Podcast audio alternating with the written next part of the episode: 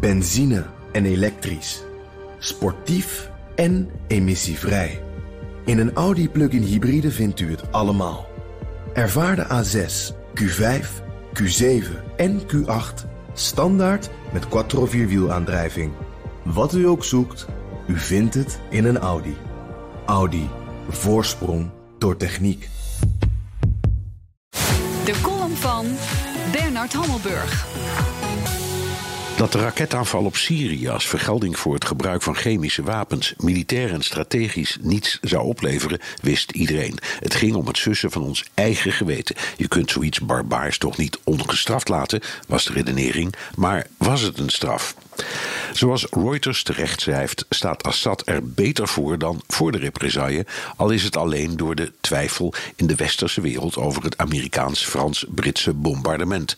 Want er zijn alleen maar een paar gebouwen geraakt en wat kan dat Assad schelen in een land waar de meeste gebouwen in puin liggen en waar hij al zowat heeft gewonnen?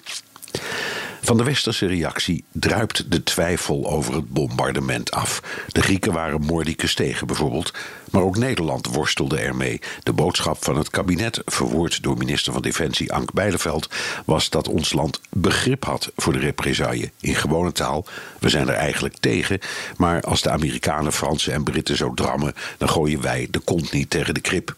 En het moest proportioneel zijn. Wat is proportioneel in een land waar de massamoordteller op een half miljoen staat? Intussen doet Nederland nog steeds met vier F-16's mee aan de door Amerika geleide missie in Syrië.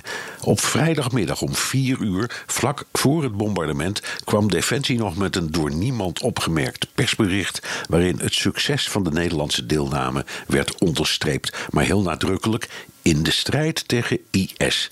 Boodschap: ja, we vechten in Syrië, maar met dat gedoe met die kruisraketten hebben we helemaal niets te maken.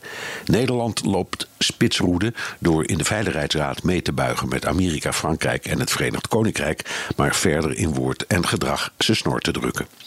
Dat is heel verstandig, want de drie landen die de aanval uitvoerden hadden andere motieven.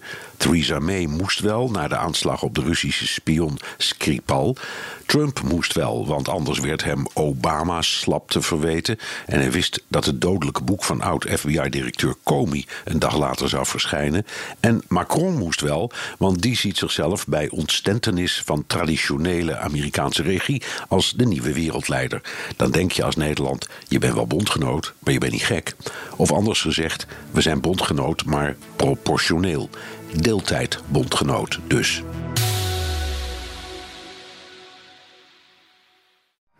Benzine en elektrisch. Sportief en emissievrij. In een Audi plug-in hybride vindt u het allemaal. Ervaar de A6, Q5, Q7 en Q8 standaard met quattro vierwielaandrijving. Wat u ook zoekt, u vindt het in een Audi. Audi. Voorsprong door techniek.